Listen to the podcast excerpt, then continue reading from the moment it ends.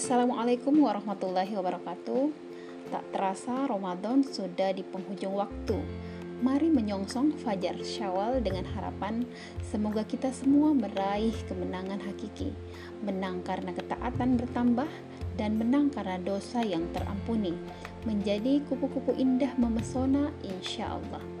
Saya Suryani Syahrir beserta keluarga mengucapkan taqabbalallahu minna wa minkum. Mohon maaf lahir dan batin. Wassalamualaikum warahmatullahi wabarakatuh.